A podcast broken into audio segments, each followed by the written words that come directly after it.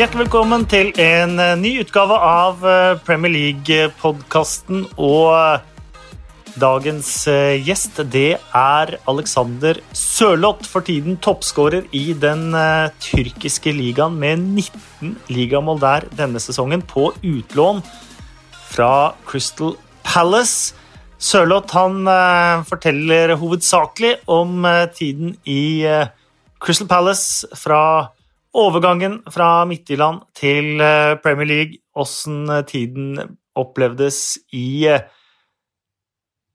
Croydon, og litt om hvordan livet er nå, og med landslaget, og hvordan det er å være i skåringsform, kontra hvordan livet var i Palace, der det var mye stang ut for trønderen. Minner om at vi er på Twitter. 2PLpod eh, heter vi eh, der. Og om det viser seg at du liker denne episoden med Alexander Sørloth, så er du hjertelig velkommen til å gå inn på iTunes og legge inn eh, stjerner og en hyggelig kommentar der.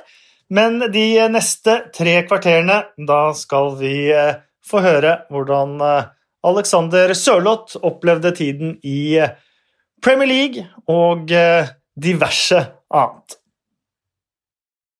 Yes, Alexander eh, Sørloth. Eh, I ja, det er i hvert fall fotballpause for alle. Er du, er du i Tyrkia for tida, eller? Ja, i Tyrkia og prøver å fylle dagene så godt jeg kan. Selv om det, det er litt vanskelig. Jeg skal, skal innrømme det. Hvordan går det? Nei, Jeg prøver nå å fylle ut dagene så godt jeg kan. Jeg får litt struktur. Eh, så jeg prøver å få trent eh, stort sett hver dag. Og ja, det er lage meg middag hjem. Eh, og, litt forskjellig. Men jeg begynner å gå tom for, for ideene. Ja, for du har ikke kone og sånn der nede? Du er mutters aleine, liksom? Ja, kjæresten hun studerer jo i, i Trondheim og midt i praksis mens det her brøt ut. så hun og veldig mye usikkerhet rundt det, eh, om hun kunne fortsette med praksisen. og sånn, og så når hun da fikk beskjed om at den var avlyst, så var jo grensene stengt. Eh, så det var jo fryktelig dårlig timing med alt. da, Nå er det jo sjanseløst å komme seg, komme seg inn til Tyrkia. Eh, så jeg er mutters alene. Ja, for der sitter du nå, men eh, for et fantastisk år det har eh, vært for deg, da. Ja, det har eh, gått på skinner både for, eh, for, meg og for laget. Eh, så jeg er kjempefornøyd med valget om å komme hit. og ja, Det er jo litt synd at sesongen ble, ble satt på vinteren, for vi var, vi var ordentlig i dytten og, og kjempa om å ta, ta et etterlengta seriegull. Hva er det som har skjedd? Nei, det er først og fremst uh, for min egen del er jo at jeg har fått veldig mye selvtillit. Uh, Begynte å skåre tidlig, så på en måte får unna det at det ikke blir noe press der. og så ja, jeg spiller på et veldig godt lag. Eh, vi ønsker å angripe hele tida, og, og, vi kjører på. Hvis vi leder 1 2-0, så går vi alltid for 3 4. Eh, så det er jo en gave for en spiss. Det er det definitivt. Du er altså i Trasponsor i uh, Tyrkia. Du er toppskårer i uh, ligaen med 19 ligamål på 26 uh, starter. Um, spisser er rare sånn. For enten så bare renner det inn, eller så er det helt stopp, virker det sånn. Ja, det er litt typisk, det. Eh, det er jo gjerne sånn som jeg, som jeg nevnte tidligere, så er jo hovedfaktoren er jo selvtillit. Eh, at man, også, det kan jeg, Når jeg ser tilbake nå på, eh, på tidligere i karrieren, så de gangene jeg ikke har skåra, så, så, går man egentlig bare rundt og gruer seg nesten til man får sjansen foran mål. Man er ikke i flytsonen, og man er ikke i i den kamprytmen man ønsker. og så Nå når man, når man, er i form, så går man på banen uten å tenke. og eneste kanskje man tenker at det blir deilig å skåre igjen. Eh, så man tenker liksom ingen konsekvenser. Det, det er kun bare, bare fokus på, på, å gjøre jobben sin. og ja, Selvtillit er en viktig faktor, uten tvil. Men uh, det blir lite søvn på deg når du skårer så mye, så mye mål. Så er det kanskje litt sånn deilig med en uh, liten korona jeg mener jeg teksta med deg tidligere at du sliter med å sove etter å ha skåra. Ja, det er spesielt etter at jeg har scora. Vi har vunnet kamper, sånn, så er jeg sjanseløs eh, etter kamp. Ja, kroppen, og Det er jo flere, flere fotballspillere som har det sånn. Det er liksom vanskelig å komme ned og få cool down. Spesielt når jeg, når jeg er alene, da, da, sliter jeg. Hvis jeg har besøk, eller noe sånt, så er det litt enklere. Så det har vært eh, full runde på Netflix da, i løpet av dette året her på, på netten, eller? Ja, jeg tror jeg har runda Netflix ennå. Jeg begynner å gå tom. Jeg begynner å se ting som jeg har sett på nytt, på nytt igjen. Det... Så Alexander Sørloths eh, topp tre eh, Netflix-tips? Eh, akkurat nå da, eh, så har jeg nettopp sett en serie som heter Tiger King. Den har jeg sett òg. Ja, voldsomt populær, og den anbefaler jeg på seg. Eh, helt sinnssyk. Nå skal ikke jeg spoile noe som helst, det er bare den bør ses. Eh, og så har jeg en serie som jeg liker veldig godt, som heter You. Eh, som også anbefales. Eh, og siste på Netflix, da. Eh, det begynner å bli gammelt. da. Favorittseriene mine, absolutte favoritt-Netflix-serier er Narkos. Ja, definitivt. Og nå kommer Narkos 2 òg. Mm. Uh, så den har jeg også vært gjennom, faktisk. Jeg ser jo egentlig bare fotball og hockey på TV. Så ser jeg litt serier ute på reise, men uh, nå plutselig så har jeg måttet begynne å pløye meg gjennom de samme greiene selv. Ja, ja, det er jo fint for deg. Altså, jeg har jo ser jo serier hele tida. Så nå når jeg først har ordentlig mye fritid da, og liksom kjeder meg, så er jeg gått tom for alle. Så det er jo litt det er godt for deg, så det er litt kjipt for meg. og Tiger King, eh, definitivt den eh, ja, Det er noe av det galeste jeg har sett i, eh, i hele mitt liv, faktisk. Ja, det er helt galskap. Eh, vi har litt eh, Palace-fokus i og med at dette er en eh, Premier League-podkast. vi kan jo bevege oss sånn fram mot den overgangen. Du var i Rosenborg. lånte ut til Bodø-Glimt, hvor du haua inn mål. dro til Nederland, hvor det gikk litt så som så. Eh, banka inn mål i Midtjylland igjen. Og så var det Palace, og så etter en kjapp tur innom eh, Gent så var det Trapsonspor. Det har vært litt sånn annenhver klubb for deg? Ja, det har jo vært det, egentlig. Eh, det er jo litt som Hvis du ser på de klubbene jeg har vært i, så er det jo der jeg har levert, har det vært for, for lag. Hvis du tar bort Bodø-Glimt, så har du Trabzonspor og så har du Midtjylland som er topplag.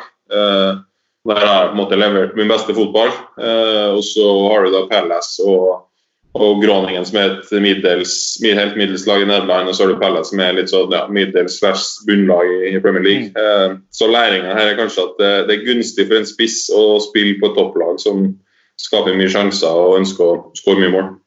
Mm. Uh, denne Palace-overgangen det ble jo et uh, salig kok. Det husker jeg da ryktene begynte å gå. og og overgangen kom i boks der, og det ble spekulert mye overgangs, overgangssummer, men du var i hvert fall helt oppe og nikka til å bli norgeshistoriens dyreste spiller. Hvordan, eh, hvordan fikk du selv sånn i starten uh, greie på at nå, nå, var det tid på gang? Nei, jeg husker vi skulle spille en treningskamp med Midtjylland. rett før vi skulle reise til, på treningsleir til Dubai. og så var agenten min da, Morten Yvestad som ringte og sa at Palace var veldig interessert i å signe meg. Det her var ca. Sånn, ja, to uker da, før uh, overgangen, overgangen skjedde. og så ja, var det egentlig typ sånn annenhver dag der dealen var av, og så var det på igjen. og så var det av, og så var det på igjen, så jeg gikk jo, Til slutt så bare hadde jeg egentlig slått meg til ro med at jeg kom til å bli Midtjylland. og og eh, at jeg kom til å kjempe for seriegullet der. Eh, og så plutselig tok det seg opp igjen, og da var vi på, på treningsleir i, eh, i, Dubai. og så To dager før overgangsvinduet stengte, husker jeg, så fikk jeg beskjed om at ok, nå må du gjøre deg klar til å reise til London. for nå begynner vi å få det travelt, og klubbene er nær på å bli enige. og så endte jo da opp med at jeg fikk lov å reise. klubbene hadde da på det tidspunktet hadde de da blitt enige. Eh, og Så reiste jeg til London, lander på Heathrow. Og så, når jeg lander, så får jeg beskjed om at nei, klubbene er ikke enige likevel. Det blir ikke overgang når jeg lander der.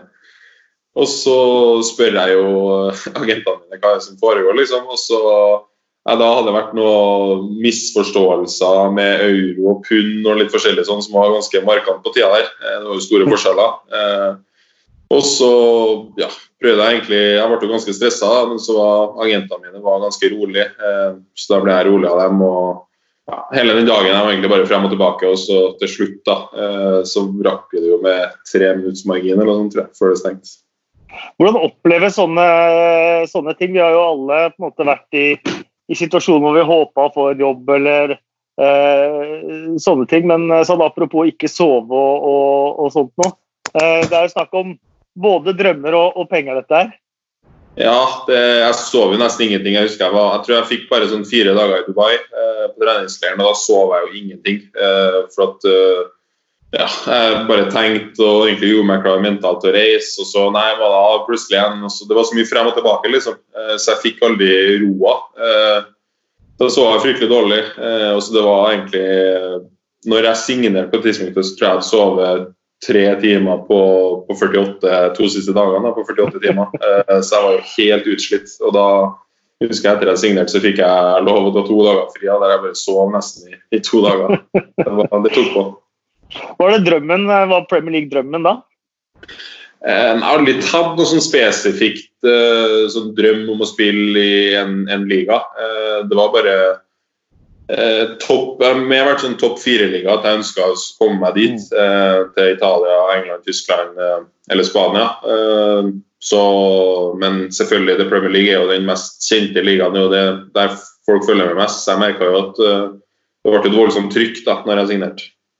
Ja, for det husker jeg også. for uh, Vi sendte jo folk, alle andre mediehus sendte jo folk med. Det ble et kappløp for å få det første intervjuet med deg, husker jeg. Å få liksom Alexander Sørloth i, i, tale, hvordan, hvordan, opplevde du den? Spesielt uten søvn, kanskje?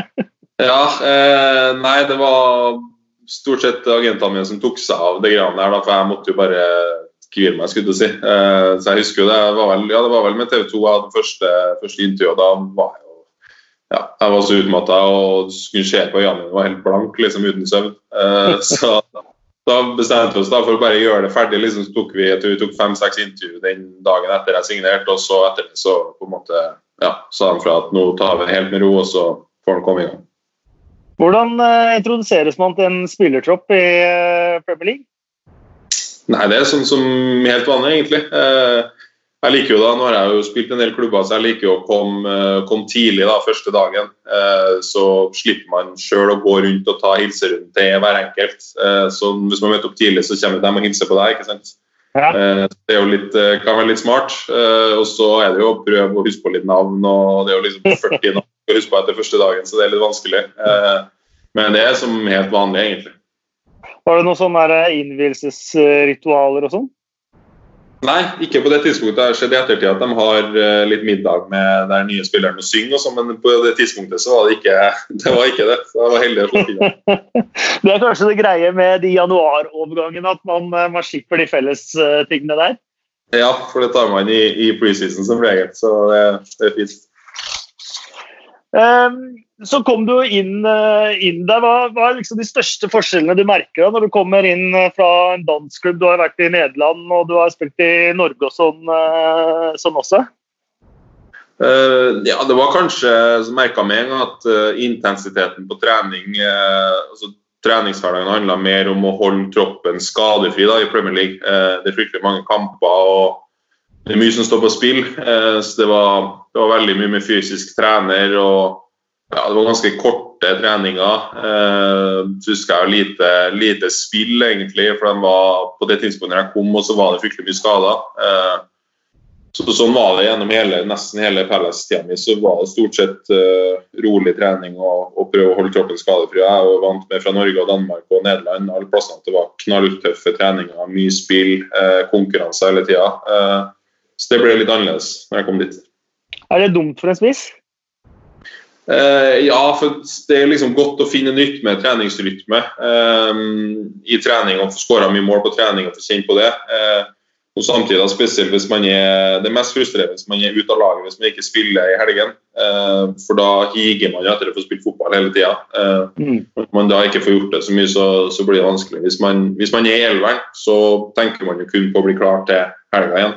Så det er ikke så farlig. men det var, det var frustrerende uka når man ikke var på laget. var Eh, og så eh, debuterte du eh, borte mot eh, Everton med egentlig en kanonmatch. Det var egentlig bare skåringa som, eh, som mangla der. Ja, eh, det var litt uvant rolle. Han spilte venstre kant den, den, kampen der, og vi ja, ble pressa ganske langt bakover. Så jeg fikk jo prøve meg en helt annen rolle enn hva jeg vant til. Ja, det var litt spennende, men jeg følte at jeg kom ut av det greit. og som du sier, Jeg hadde en heading der som ble kunne ha blitt mål, eh, så hadde jeg fått skåring i kampen. Så ja, det hadde vært en helt strålende debut. Uh, og igjen da, dette er koket med, med, alt rundt og sånt. Og pappa i, i Premier League-studio i Bergen. og uh, må, må ha kjent litt på, på, det der? Ja, men jeg føler at jeg er litt bygd for det. da, Det kan jo ha noe med farsan å gjøre, for han er, han er sånn som han er. Uh, men sånne ting det, det tenker ikke jeg noe mye på, egentlig. Jeg synes det syns det er bare artig. Og, og når man er oppi det sjøl, så får man jo ikke man får jo ikke sett det på TV. og sånn, ikke sant? Man tenker jo bare på kampen og får det litt på avstand. Sånn som der, ja, føler ikke at det er noe ekstra press som blir lagt pga. sånne ting. Det er ganske godt å holde det på avstand. egentlig. Men om det ikke var drømmen din å spille i Premier League, tror du det var drømmen hans å se deg i Premier League? Eh, jeg tror han syntes det var ganske stort, da, det tror jeg. Eh, det vet jeg han syns. Eh, men sammen med pappa så har han egentlig vi har ikke, noe, vi har ikke vært noe ekstra, vi har ikke snakka om noen liga eller noe sånt i oppveksten. Eller. Det har liksom vært å ja, Det er litt kjedelig svar, men det har liksom prøvd å finne ut hvor langt man kan komme da, og hvor god man kan bli. Eh, ta liksom stegene. Eh, men uten tvil så var han, han var stolt pappa når, når jeg kom meg dit. Og han er Leeds-fan, sant? Eh, Liverpool. Han er Liverpool-fan, ja. Men ikke, ja. sånn, ikke noe spesielt. Han var mest vel på, på 80- og 90-tallet, tror jeg, når han fulgte med mest. Men han var på prøvespill i Leeds også, mener jeg at jeg har lest, uten at, uten at det gikk i veien. Har du et favorittlag i England, eller sånn før du kom til Palace?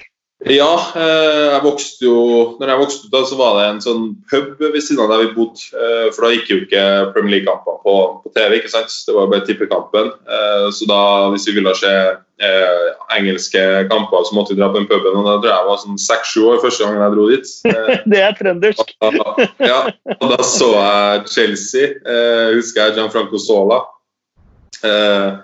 Eh, og de slo vel, Jeg husker ikke hvem de slo, men de vant stort den kampen. her, og Da ble det egentlig, egentlig Chelsea etter det. og så husker jeg jo spesielt når, når Drogba kom at da ble det, når jeg begynte å spille spiss, eh, og så hadde de Drogba i tillegg, da ble jeg veldig, veldig fan av Chelsea. Sånn Apropos uh, faren din, så, så, så jeg nå akkurat sånn tilbakeblikk og sånt, for det er stort sett det eneste man driver med på TV her i Norge for tiden. Norge-Nederland Eh, den matchen var jeg på sammen med en kompis, og Gøran ble matchvinner 2-1. og Det starta jo på mange måter VM-eventyret i 94. Dere er jo en generasjon nå som er nesten i ferd med å gjenskape i starten på å gjenskape et litt sånn, eh, sånn eventyr. Eh, I dag skulle dere vel spilt mot Skottland eller Israel etter at det Serbia. Dine tanker rundt, rundt det med landslaget akkurat nå? Nei, jeg er veldig positiv, egentlig. Du ser at Vi har jo så mange nå som leverer i store liga og gjør seg bemerka. Eh, så vi har en generasjon som er veldig bra. Eh, og så merker vi jo også på, på, alt rundt. Det er mye entusiasme rundt landslaget, og det gjør det enda artigere å, å spille for, uh, med flagget på brystet. Og så tenker jeg jo når, når det ble utsatt sånn som nå, uh, så tenker jeg egentlig at det bare er positivt, egentlig, for da har vi tida til å bli enda bedre. Eh, vi skal ta enda flere steg og ja, rett og slett gjøre oss klare til, til å bli enda bedre. og Det, det tror jeg vi, vi, kan bli. Ja, for det, ja, for det lurte jeg litt på. Det var litt sånn nå er alle i, i toppform. Eh, Ødegaard leverer, Sander Berge spiller for Sheffield United, du er toppskårer i tyrkiske ligaen. Eh, Joshua King skadefri igjen. Eh, Haaland uh, skårer, Ayer spiller i, Celtic. Er det sånn at det egentlig skulle At det egentlig hadde vært bedre nå, eller blir det faktisk at dere tror at det blir bedre når dere tar det litt seinere? Uh, nei, Det kan man jo egentlig ikke tenke på. Det hadde jo selvfølgelig, Når alle er i toppform nå, så hadde jo selvfølgelig uh, altså Vi hadde jo kommet til den samlinga her med voldsom selvtillit og, og trua på oss sjøl. Uh, men som jeg sier, da, så heldigvis har vi veldig ung og sulten tropp. Jeg tror det hadde vært annerledes hvis stort sett alle hadde vært ja, nærmere 30 år og alle på en måte ja, Motivasjonen kanskje ikke helt har vært der, også, men når vi har en så ung og sulten tropp, så tror jeg det, det ikke har noe å si, egentlig. Eh, og Spesielt når du ser på typene vi har. òg. det, det er ikke mange som, som slipper seg ned, og vi er ganske stabile. Eh, vi holder et stabilt nivå, eh, så jeg ser ikke på på den utsettelsen som noe, noe hindring.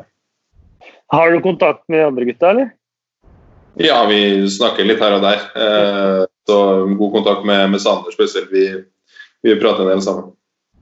Eh, så så jeg det var noe greier rundt denne, dette Instagram-bildet til, eh, til Martin Ødegaard, hvor han satt og leste Henri Charriers selvbiografi 'Papillon' på terrassen der. Ja, ja, det er mange som kåler han på det. Altså, ifølge som har veldig mye kontakt med han, så har Martin kun sittet og spilt PlayStation gjennom hele tida, og så skal han gå på Instagram, og da er jo boka som er fremme. Så de må ta den litt der. Spill for galleriet. Ja, det er spill for galleriet? jeg har ikke sjelden lest noen bok på samling, eller noe, så det var overraskende. Overraskende ikke Uh, vi går tilbake til, vi går tilbake til, uh, til Palace igjen der. begynte mot Everton, og det var jo ikke det var jo ikke sånn at du skulle få en lett start her. De fire første kampene fikk, var altså Everton, Tottenham, Manchester United og Chelsea.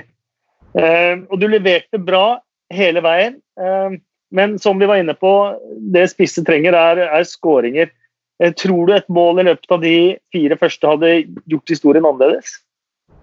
Eh, det er jo fryktelig, det blir jo spekulasjoner, men det er jo uten tvil. Hvis jeg hadde, hadde jo et annullert mål mot Chelsea. Eh, det er akkurat så, det feilaktig? Ja, ja som jeg mener sjøl er feilaktig. og da man kan jo tenke seg til at Hvis jeg hadde skåra det målet, så det hadde bygd voldsom selvtillit til meg. på en måte Fått det ferdig. Eh, på, måte, på den tida så var det jo litt i tvil om hvem som skulle starte på topp òg, av meg og Benteke. Uh, så på det tidspunktet, hvis jeg hadde skåra da, så kan det være at jeg på en måte hadde fått befesta plassen min i laget. Eh, på til og med etter den kampen så husker jeg eh, uka etterpå så skulle vi spille mot Huddersfield borte. Eh, og Da var jeg elveren hele, hele uka. Eh, og Så ble jeg skada på, på torsdagstreninga, eh, så jeg fikk ikke spilt den kampen. Da skulle vi spille 4-3-3, husker jeg, med, med Wilfred og, og Andros på kantene og meg på topp. Eh, så Det var jo fryktelig synd at jeg ikke fikk, fikk med meg den kampen. Uh, den skaden som du fikk da, du spilte jo ikke mer ut, uh, ut, sesongen der. Var det noe du egentlig sleit litt med da du, du, kom, eller var det en helt ny skade? Det var en helt ny skade. Jeg har aldri hatt noe muskelskade før, uh, før det. så plutselig så kjente jeg at jeg fikk et strekk på, på baksida av låret.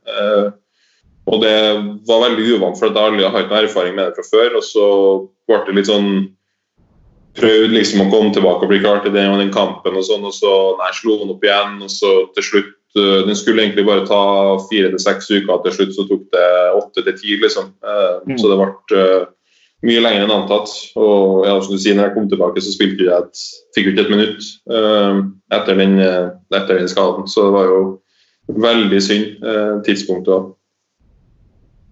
Men som eh, profesjonell fotballspiller og eh, som en som kommer med en stor prislapp og store forventninger, eh, hvordan oppleves det?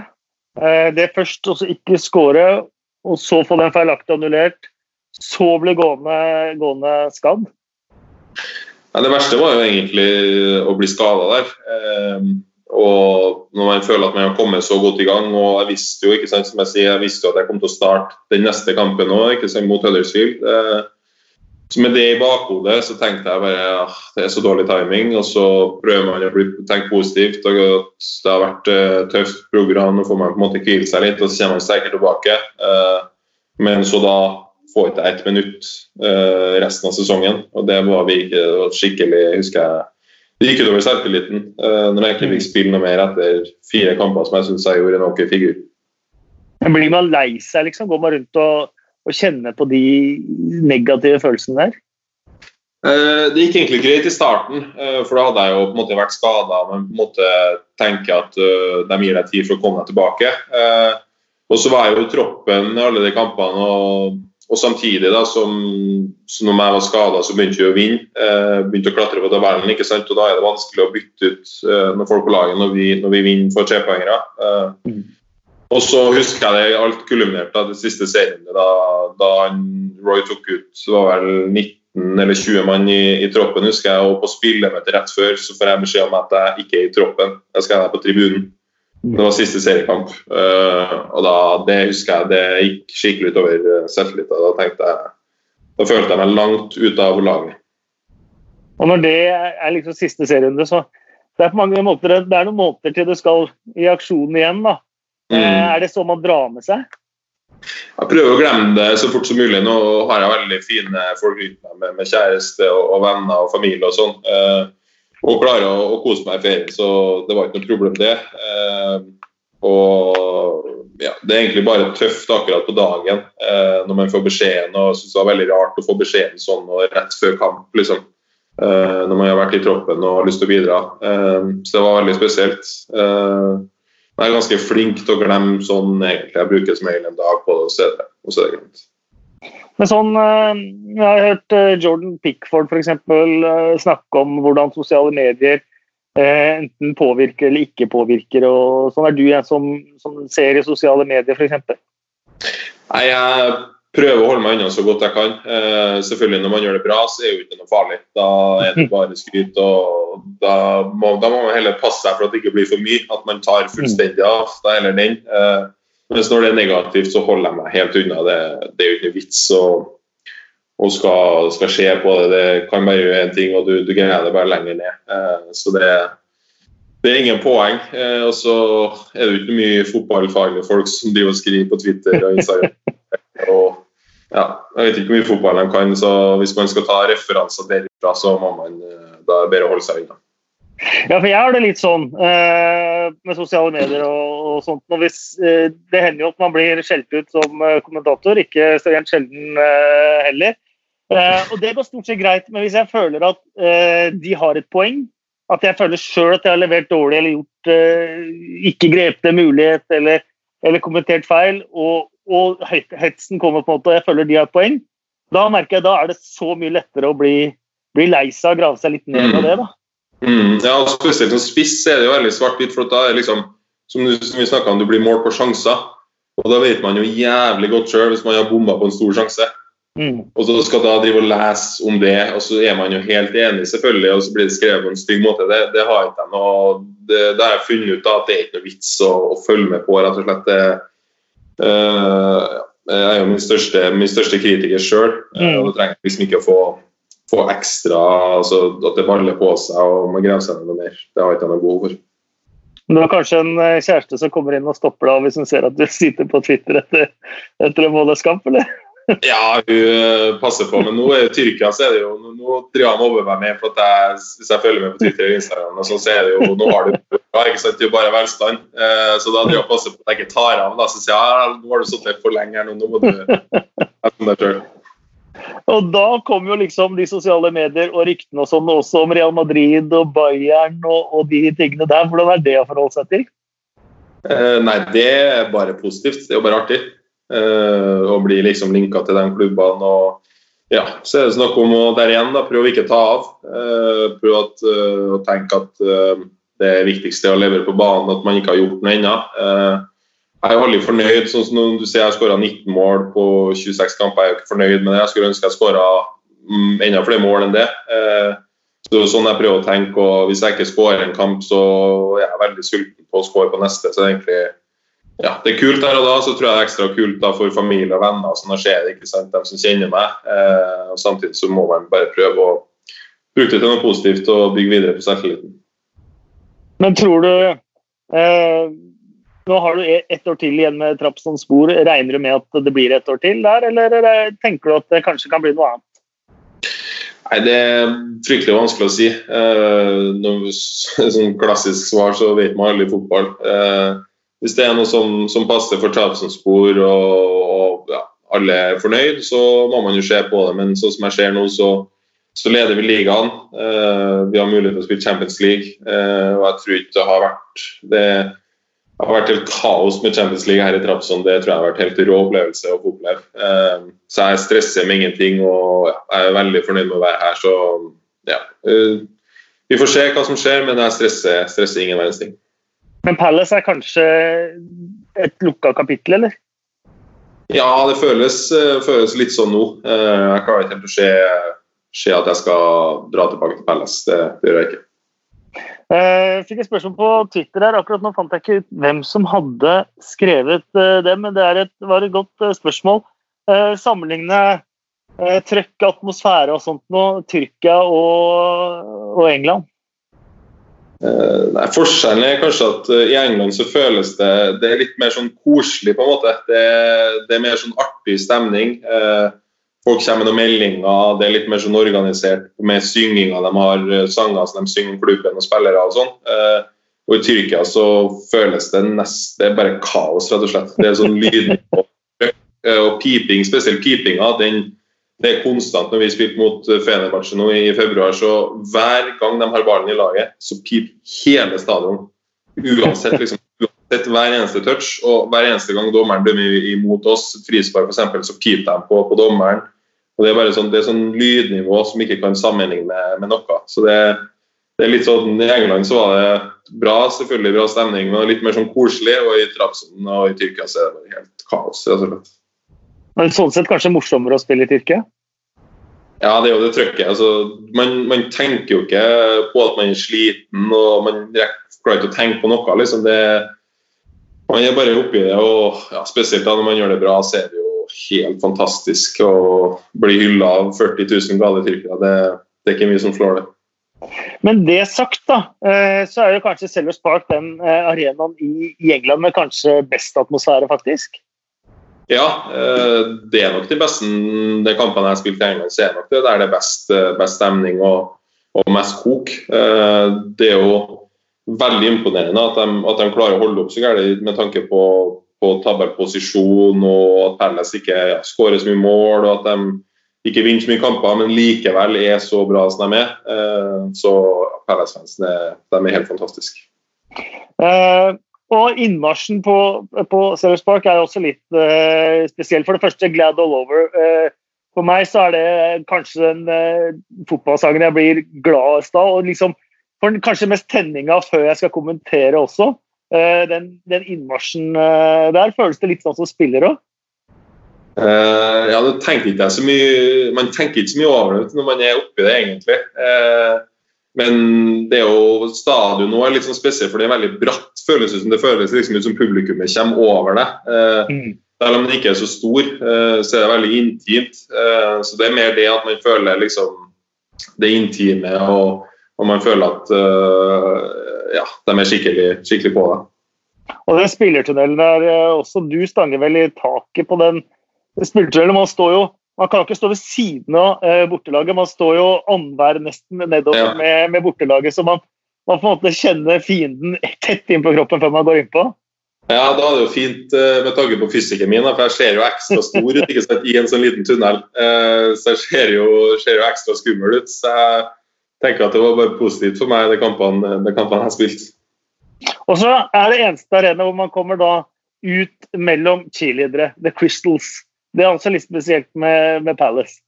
Mm -hmm. Ja, det er veldig spesielt. Jeg har ikke opplevd, opplevd det før. Uh, så er det snakk om å holde blikket rett frem, for folk er jo på jakt etter bilder og alt mulig. ikke sant? Uh, så det var, jo noen, jeg, det var jo noen på laget som gløtta litt, ikke sant? da blir det tatt bilder, og så blir det bare styr. Uh, så jeg husker jeg har fått mye spørsmål av de journalister og hva, hva syns du det skjer i det. og så tenker jeg bare herregud, kom an. Er vi der, liksom? men, men det er litt strenge regler med de, er det ikke det? Eh, det er ikke lov til noe kontakt mellom, mellom de og spillere og, og sånt noe? Mm, det vet ikke jeg vet ikke. Jeg har sett at det er sånn i USA eh, med cheerleaderne på forskjellige NFL og NBA og sånn, men jeg vet ikke om det var noe strenge sånn sett i Det kan godt være at det er det, men uh, hadde ikke hørt om noe sånt. Nei. Uh, du var jo da gjennom en, en sommer da skåra i treningskamper på, på, sommeren der. Uh, første serierunde neste sesong.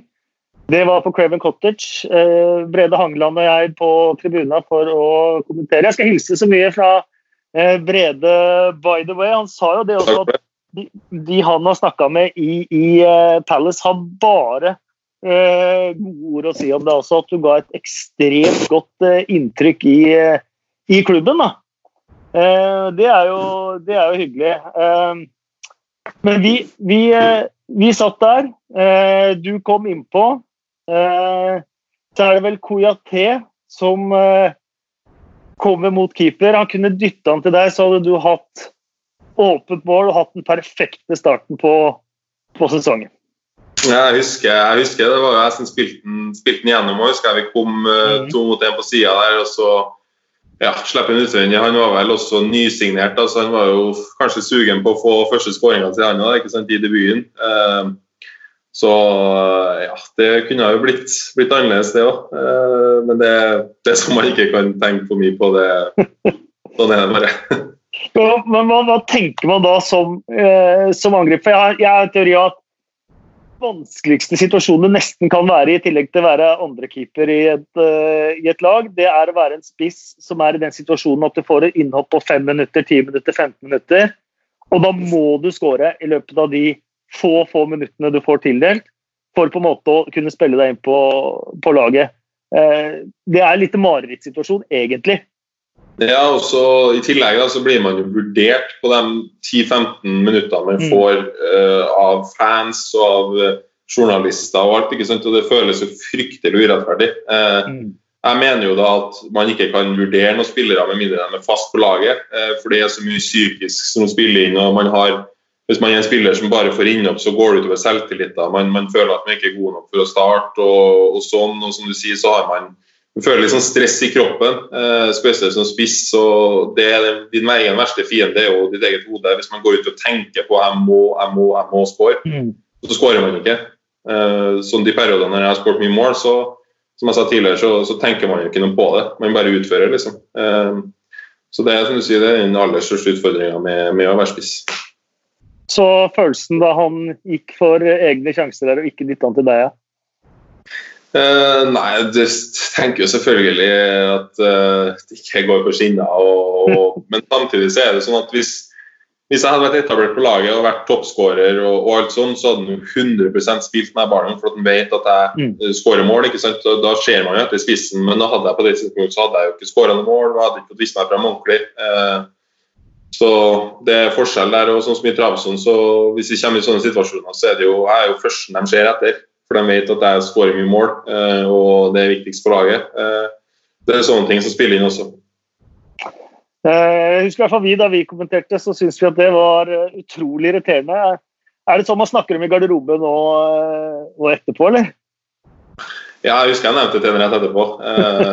Det, bare, det var, siden vi vant og fikk en god start, så ville du ikke være for, for liksom, streng og klagete, men jeg nevnte til ham at han kunne ha at man må få opp hodet og kunne slå den på tvers. Eh, og da, ja, Det blir ikke mye mer ut av det, men eh, jeg var litt irritert. av Eh, er det også sånn at man sitter litt og håper at den spissen som spiller, ikke skal skåre, eller at laget skal slite, eller noe sånt, også man sitter på, på benken? Jeg snakka så vidt med en uh, spiller, skal ikke nevne lag eller, uh, eller navn, etter en Premier League-match. Han sa I gotta keep fit, I'm one injury away from playing. Eh, er, det, er, det, en vanlig sånn uh, tanke å, å, ha? Nei, altså jeg klarer ikke helt å få meg til å tenke det er sikkert litt sånn som jeg er bygd, men jeg klarer ikke å få meg selv til å tenke sånn. Uh, når jeg er i et lag, så vil jeg først og fremst at laget skal vinne. og, og ja, Uansett, uh, som du sier, hvis jeg får innhopp, så, så er det jo mye bedre at laget gjør det godt og, og skårer mål og, og sånn. for da er det mye positivt, positivitet rundt. Man får en mye finere treningsuke og alt det der. Eh, så jeg klarer ikke å, å, å, tenke sånn. Eh, det ble tolv eh, stort sett kort innopp for, for Palace den, den, høsten. Hvordan Det ble ingen starter i, i, i, Premier League. hvordan oppleves en sånn, sånn høst? Nei, Det er jo frustrerende. Eh, man prøver jo liksom å tenke ok, nå må jeg være god på trening og alt det der. Eh, og Det føler jeg var stort sett hele veien. Eh, veldig profesjonell og ga alt i alt og skåra mye mål på trening. Og så Da merker man jo til slutt at det har jo egentlig ingen betydning hvordan man gjør det på trening. Det Elveren er liksom satt, og trenere har som regel 13-14 som er aktuelle for startelver. Og når man da er 15-16-17, uh, ser man ganske man føles ut som man er ganske langt unna elveren. Uh, og egentlig ganske Jeg husker jeg skåra i det var vel i ligacupen mot Swansea. Uh, da husker jeg at ok, nå, hvis jeg ikke får sjansen nå, da kommer jeg ikke til å få sjansen etterpå. liksom. Og mm. når jeg ikke fikk det, da, så husker jeg da tenkte jeg bare at ok, nå må jeg komme på utlån i, i januar. Så det er, man, man blir resignert, på en måte? Ja, og spesielt det handler mye om timing ikke sant, med selvtillit og sånn. Og etter den Swansea-kampen, selv om Swansea stilte med stort sett B-laget sitt og ja, eh, det var forholdsvis enkel motstand, så fikk jeg i hvert fall målet mitt. Eh, mm.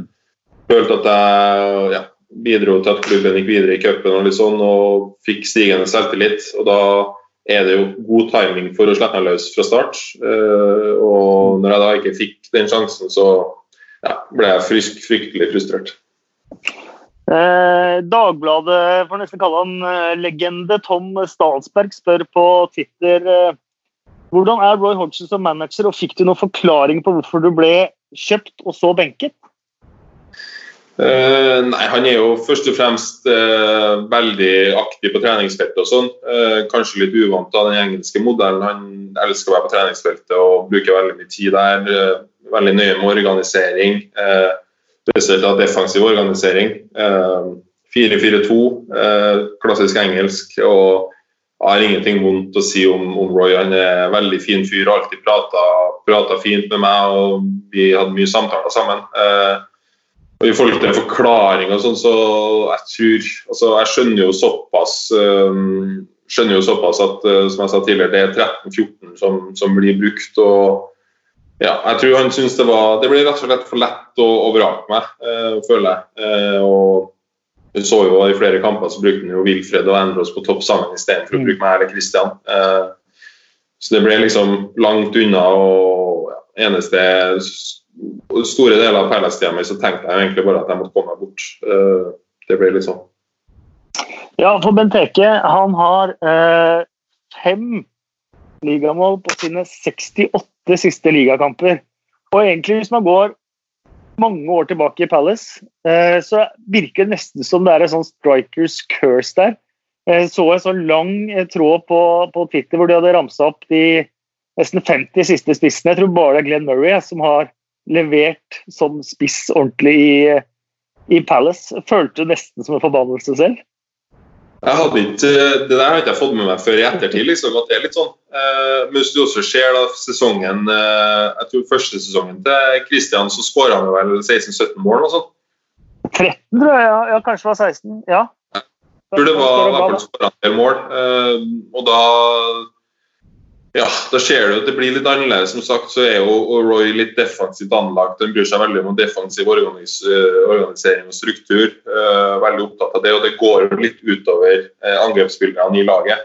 Du ser jo de skårer ut mye mål. og ja, det, det er liksom, det, Du er på en måte fornøyd med 1-0 eller 0-0 mot god motstand. Det blir litt sånn, og Hvis du da får 1-0 tidlig, så er det snakk om å forsvare den ledelsen istedenfor å prøve å øke og litt sånn. Eh, og det går jo veldig utover da, spesielt spissene. Eh, for det er jo, det er jo som regel i kamper der, det, der, du tar ledelsen tidlig at det begynner å åpne seg, eh, og du skårer flere mål.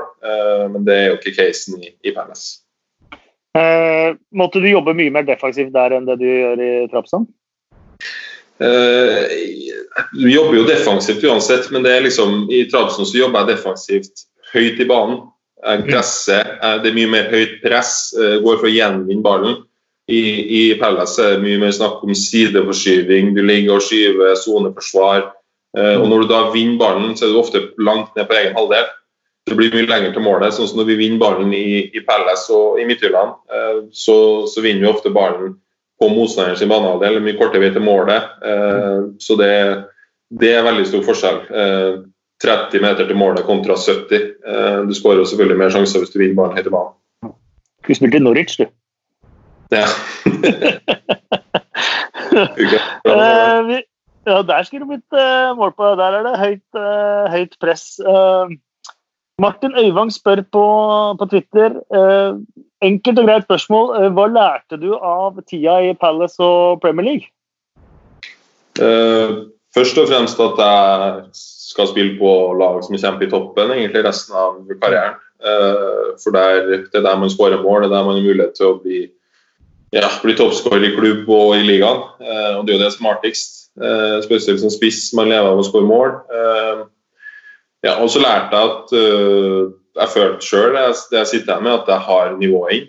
Som vi snakka om de fire første kampene jeg spilte, kom rett fra preseason i Danmark og gjorde noen figur. Så jeg føler at føler at jeg har nivået til å gjøre. Så eh, hvis og når eventuelt neste bud kommer, så er, Du føler at Premier League er førsteprioritet fordi at du har noe å ta igjen og bevise der, eller er det fortsatt sånn at det er de, de fire-fem største ligaene som er målet, og der er det egentlig ett fett?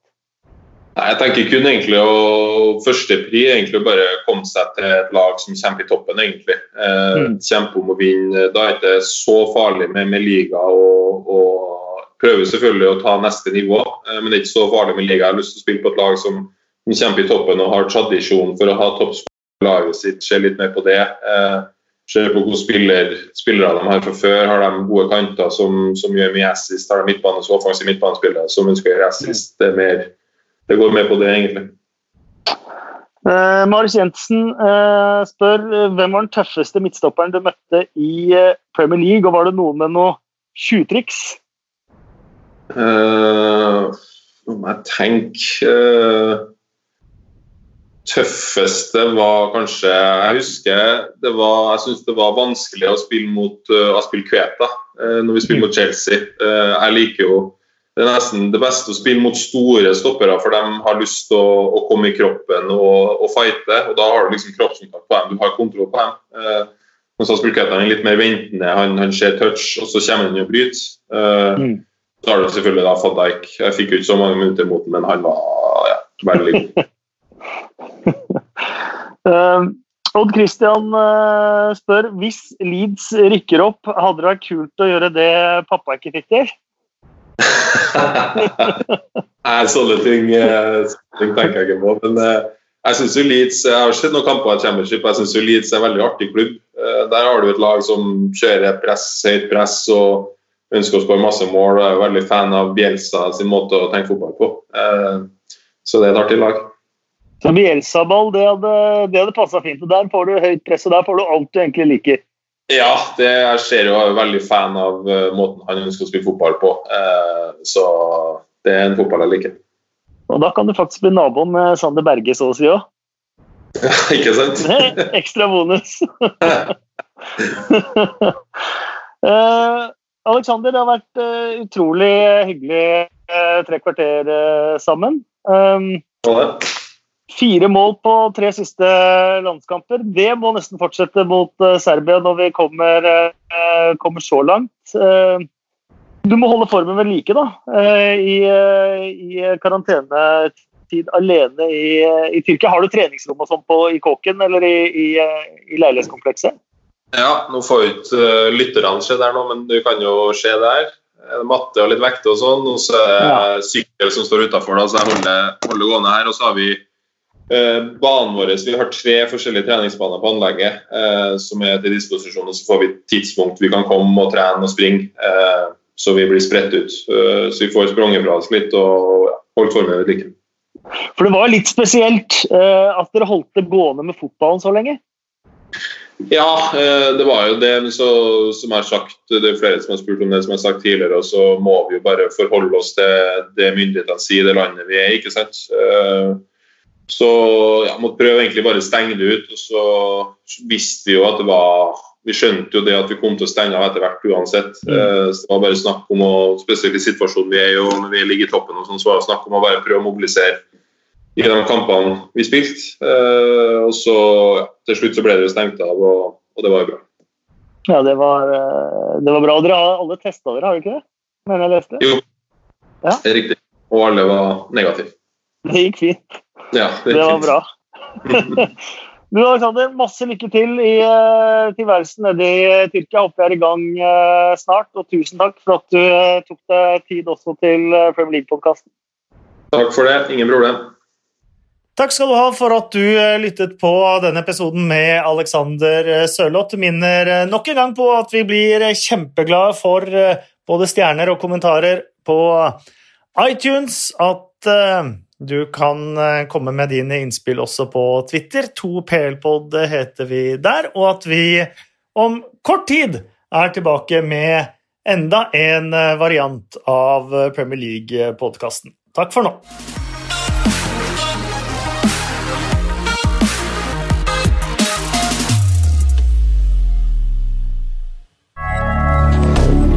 Moderne media.